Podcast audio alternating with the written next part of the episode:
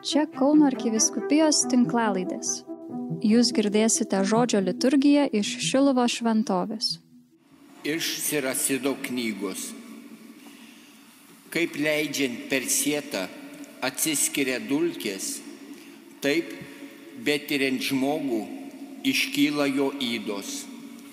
Kaip podžiaus žiedybą patikrina krosnis, taip žmogų pažinsi jo šneka išgirdęs.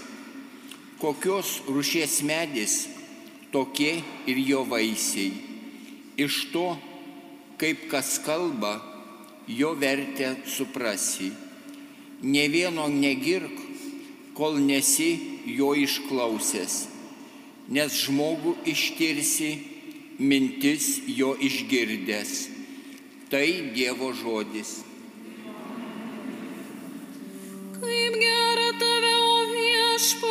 шло.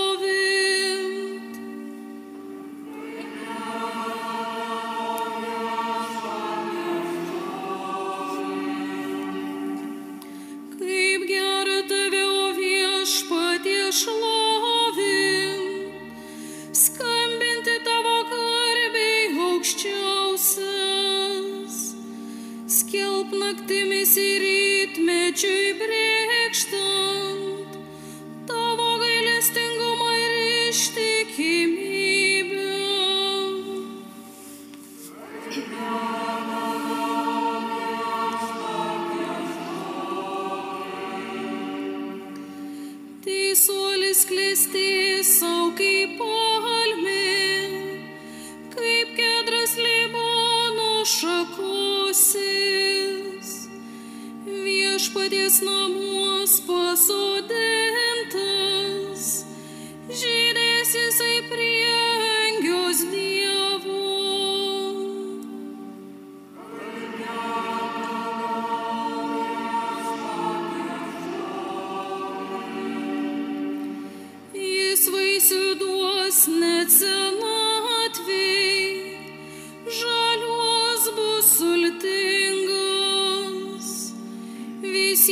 Jisai skelbs, koks viešpats teisingas. Jis priebėga mūsų, jame tu nerasi kaltybės.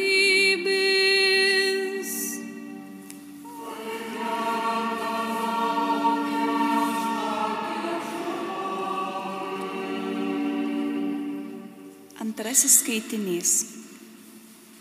Iš Šventojo Paštolo Pauliaus pirmojo laiško korintiečiams.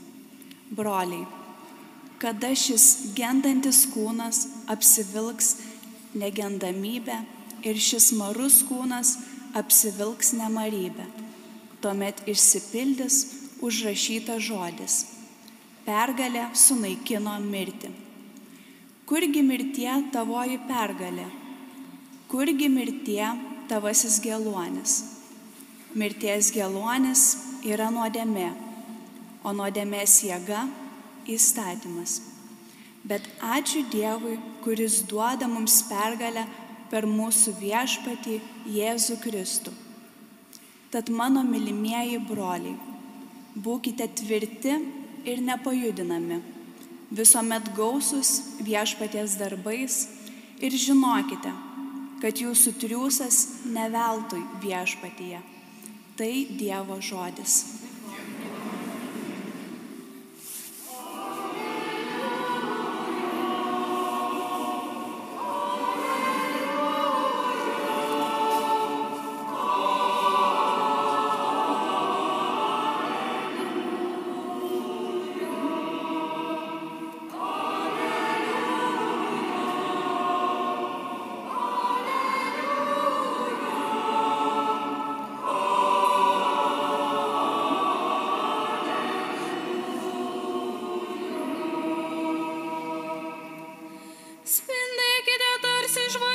visat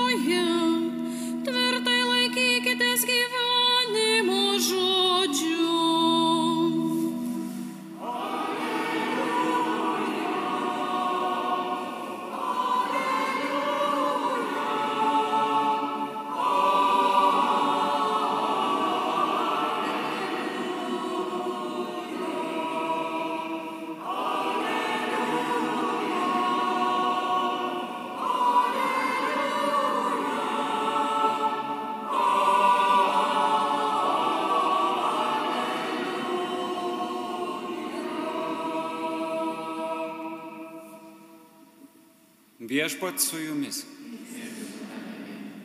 Pasiklausykite Šventojios Evangelijos pagal Luką.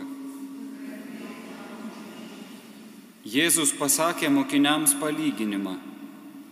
Ar gali aklas vesti aklą, argi nebu, ne abu įkrinta į duobę? Mokinys nėra viršesnis už mokytoją. Kiekvienas mokinys bus gerai išlavintas, jei bus kaip mokytojas. Kodėlgi matai krislą brolio akyje, o nepastebi rasto savojoje? Ir kaip gali sakyti broliui, broli, leisk išimsiu krislą iš tavo akies, pats nematydamas savo akyje rasto. Veidmainy, pirmiau išritink rastą iš savo akies, o tada matysi, kaip iš brolio akies išimti krislelį. Nėra gero medžio, kuris mėgstų blogus vaisius nei vėl netikusio, kuris mėgstų gerus vaisius. Kiekvienas medis pažįstamas iš vaisių. Nuo usnių niekas nerenka figų, o nuo erškėčio neskina vynogių. Geras žmogus iš gero savo širdies lobino ima gerą, o blogasis iš blogo lobino ima blogą. Lūpos kalba tai, ko pertekusi širdis. Girdėjote viešpaties žodį.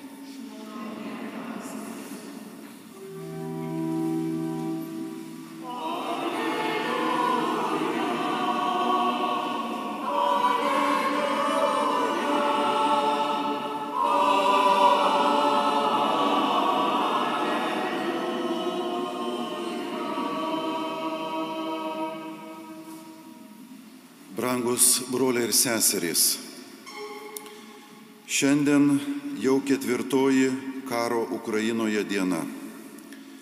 Ketvirta diena, kai mūsų širdis plyšta, stebint Ukraino žmonių kančias. Kai ir mes patys kas rytą pabundame su nerimu, nes kamuoja nežinomybė dėl ateities, o kai kada apima ir didžiulis beviltiškumo jausmas. Tačiau mes turime tikėjimą kaip garstyčios grūdelį. Turime viltį Jėzuje Kristuje. Galime, kaip kvietė popiežius Pranciškus, atsiliepti į velnišką smurto beprasmybę Dievo ginklais - malda ir pasninku.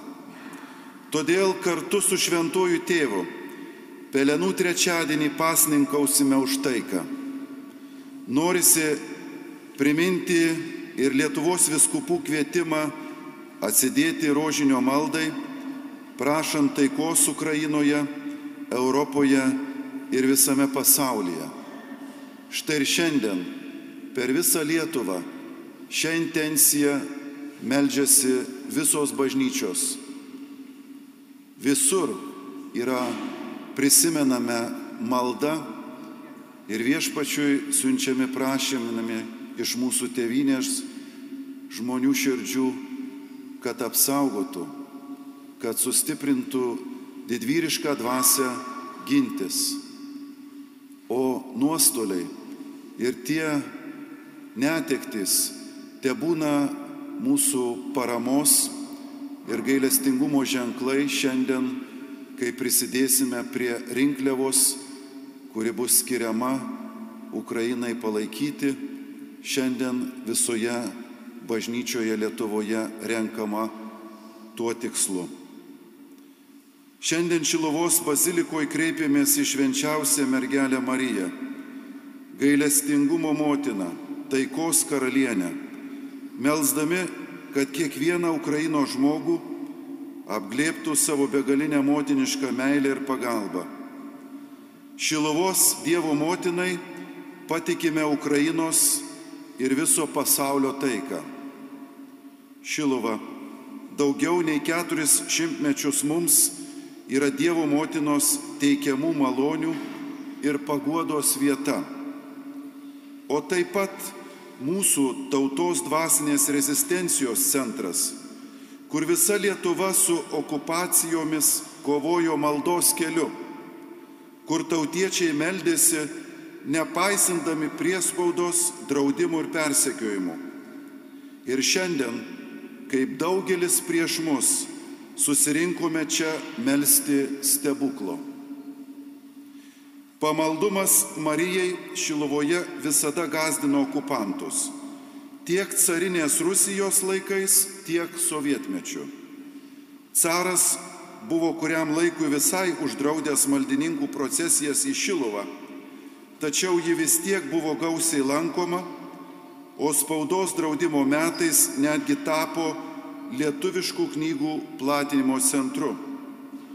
Sovietinė valdžia taip pat iš paskutiniųjų stengiasi trukdyti maldininkams, blokuodavo kelius, tikrindavo automobilius, baugindavo žmonės. Tačiau maldininkai, o ypač Euharistijos bičiuliai, niekada nepaliovė keliauti į Šiluvą. Tegul tai bus padrasinimas mums, kad Dievo dovanotos laisvės negali atimti joks šio pasaulio tironas. Taip pat ir prisimindamas, kad taip pat yra priminimas, kad pirmiausia mes grūmėmės ne su krauju ir kūnu, bet su kunigaikštystėmis, valdžiomis šių tamsybių pasaulio valdovais. Tad, pasak laiško feziečiams, Stovėkime susijuosę strėnas tiesa, apsivilkę teisumo šarvais ir apsevę kojas ryštus kleisti taikos Evangeliją. O svarbiausia, pasimkime tikėjimo skydą, su kuriuo užgesinsime visas ugningas piktojo strėlės. Mergelė Marija Fatimoje 1917-aisiais yra mus įspėjusi dėl grėsmingojo kaimyno iš rytų, tačiau suteikė viltį. Marija piemenėliams kalbėjo, kiekvieną dieną kalbėkite rožinį, kad būtų taika pasauliui ir pasibaigtų karas. Jeigu mano prašymai bus išgirsti, Rusija atsivers ir bus taika. Jeigu ne, jos klaidos paplis visame pasaulyje, bus siejamas karas ir bažnyčios persekiojimai. Bet galiausiai mano nekalčiausioji širdis laimės.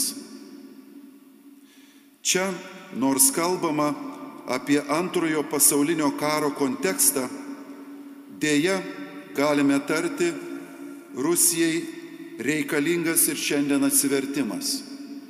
Ir tai mes suprantame abstrakčia prasme, būtent, kad krypties keitimas, kad tai, ką Evangelija kviečia taikos ir maldos ginklais spręsti susidariusias įtampas ir įvairiausius nesutarimus, o ne ginklais, yra čia kvietimas kaip atsivertimas. Mes žinome, kad rusų tauta yra nepaprastai daug didžiadvasiškų žmonių, kurie remiasi galingą dvasinę krikščionių tradiciją, kurdama istoriją. Daug talentų, kūrybingų žmonių, daug tų, kurie supranta reikalą ir žino, kur kreiptis. Čia mes taip pat patys galime savo tarti ir mums reikia atsivertimo. Evangelija priminė, kad rastas gali būti ir mano akise ir kad man taip pat reikia atgailos, pasninko ir maldos, nes pyktis, neapykanta gali sklisti ir iš mūsų širdžių. Atsivertimą, kurį prašo mergelė Marija mums kaip uždavinį, taip pat išgirdome ir čia Šilovoje jos apsireiškimo metu. Ir jis skambėjo mums, lietuvių tautai. Šiandien jis taip pat skamba mums, Rusijai, Ukrainai ir visam pasauliui. Nes tik tokiu būdu galime išlaikyti ramybę, sutarimą ir viešpaties karalystės artėjimą galime tik tokiu būdu išgyventi. Taigi, nors šis laikas yra neramus ir pilnas įtampos, turime vilti. Aišku, laikysena Ukrainos ir viso laisvo pasaulio atžvilgių šiandien primena piloto Jėzų ištartų žodžius. Tu nenori kalbėti su manimi? Ar nežinai, kad turiu galę tave paleisti ir turiu galę tave nukryžiuoti? Visgi žinome, kad šio pasaulio galingųjų grasinimai yra niekiniai viešpaties akivaizdoje.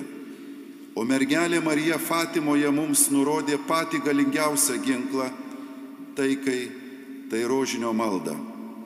Taigi, viskas mūsų rankose. Didelės grėsmės akivaizdoj kiekvienas esame priversti ištirti savo širdis ir suprasti atsakymus į esminius klausimus. Kodėl esame kurėjo pašaukti gyvenimui? Ką norime nuveikti ir palikti po savęs, ką galime paukoti dėl laisvės, tiesos, tėvynės, artimo, kuo galime pasitarnauti kitam, silpnam ir nuskriaustam. Kiekviena grėsmė gali išryškinti kilniausias ar užšiausias žmogaus savybės. Akistitoje su ją, kai aplink mus atrodytų griūva pasaulis, stipriai pajuntame, kaip svarbu būti giliai įsišaknyjus Kristuje, kad jokia vėtra nebūtų baisi. Apie medį, kuris pažįstamas iš vaisių, girdėjome šiandienos Evangelijoje. Nuo usnių niekas nerenka figų, o nuo arškiečio neskina vynogių. Geras žmogus iš gero savo širdies lobino ima gerą, o blagasis iš blogo lobino ima blogą. Jo burna kalba tai, ko pertekusi širdis. Tad kasdien ruoškimės ir būdėkime, kad lemiamų metų gebėtume subrandinti gerus vaisius. Tegul mums bus įkvėpimas broliai ir seserys ukrainiečiai. Stebėdami jų didvyriškumą, atsimename filosofo Viktoro Franklio žodžius apie žmonės, kurie savo didybę pajėgia atskleisti sunkiausiomis aplinkybėmis. Franklis rašo, šitai sugeba nedaugelis. Tačiau, kai tik jiems išorinio pasaulio griūtis ir net jų pačių mirtis leido pasiekti tokią žmogiškąją didybę, kuri veikiausiai niekada nebūtų buvusi įmanoma ankstesnėje normalioje egzistencijoje. Franklis dar prideda, žmogus tai būtybė visada nusprendžianti, kas ji yra. Ukrainos žmonės apsisprendė kovoti už visų mūsų laisvę ir taiką. Ukrainoje sprendžiamas ir Lietuvos, o gal net visos Europos likimas, ateitis. Esame be galo dėkingi už šią kovą mūsų broliams ir seserims Kristuje, kurie išpildo Jėzaus žodžius, nėra didesnės meilės, kaip gyvybę už draugus atiduoti. Tarsi specialiai ukrainiečiams parašytas pastiprinimas nuskambėjo antrajame šio sekmadienio šventų mišių skaitinyje. Dėkui Dievui, kuris duoda mums pergalę per mūsų viešpatį Jėzų Kristų.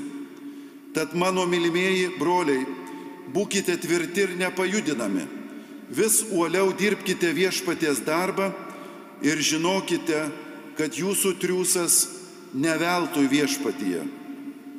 Čia pat girdėjome ir viltingą pažadą. Pergalė sunaikino mirtį. Kurgi mirtie tavoji pergalė? Kurgi mirtie tavasis geluonis. Kartu su Ukraina melžiamės už žuvusiuosius, už, už sužeistus ir netekusius tėvynės, namų artimųjų. Švenčiausiai mergelė Marija, gydyk sužeistą širdis ir perkeisk širdis tų, kurie šiandien puola nekaltuosius. Taip pat ir šventąjį Arkangelą Mykolą, o kartu su juo ir visą dangaus kareivyją melžiame paramos visiems, kurie šiandien Ukrainoje kovoja už laisvę ir žmogiškumą. Švenčiausioji mergelė Marija, Dievo motina, melski už mus, dovanok mums taiką. Amen.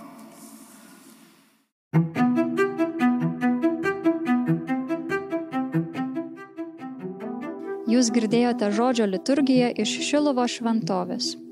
Čia Kauno arkiviskupijos tinklalaidės. Sekite mus ir prenumeruokite.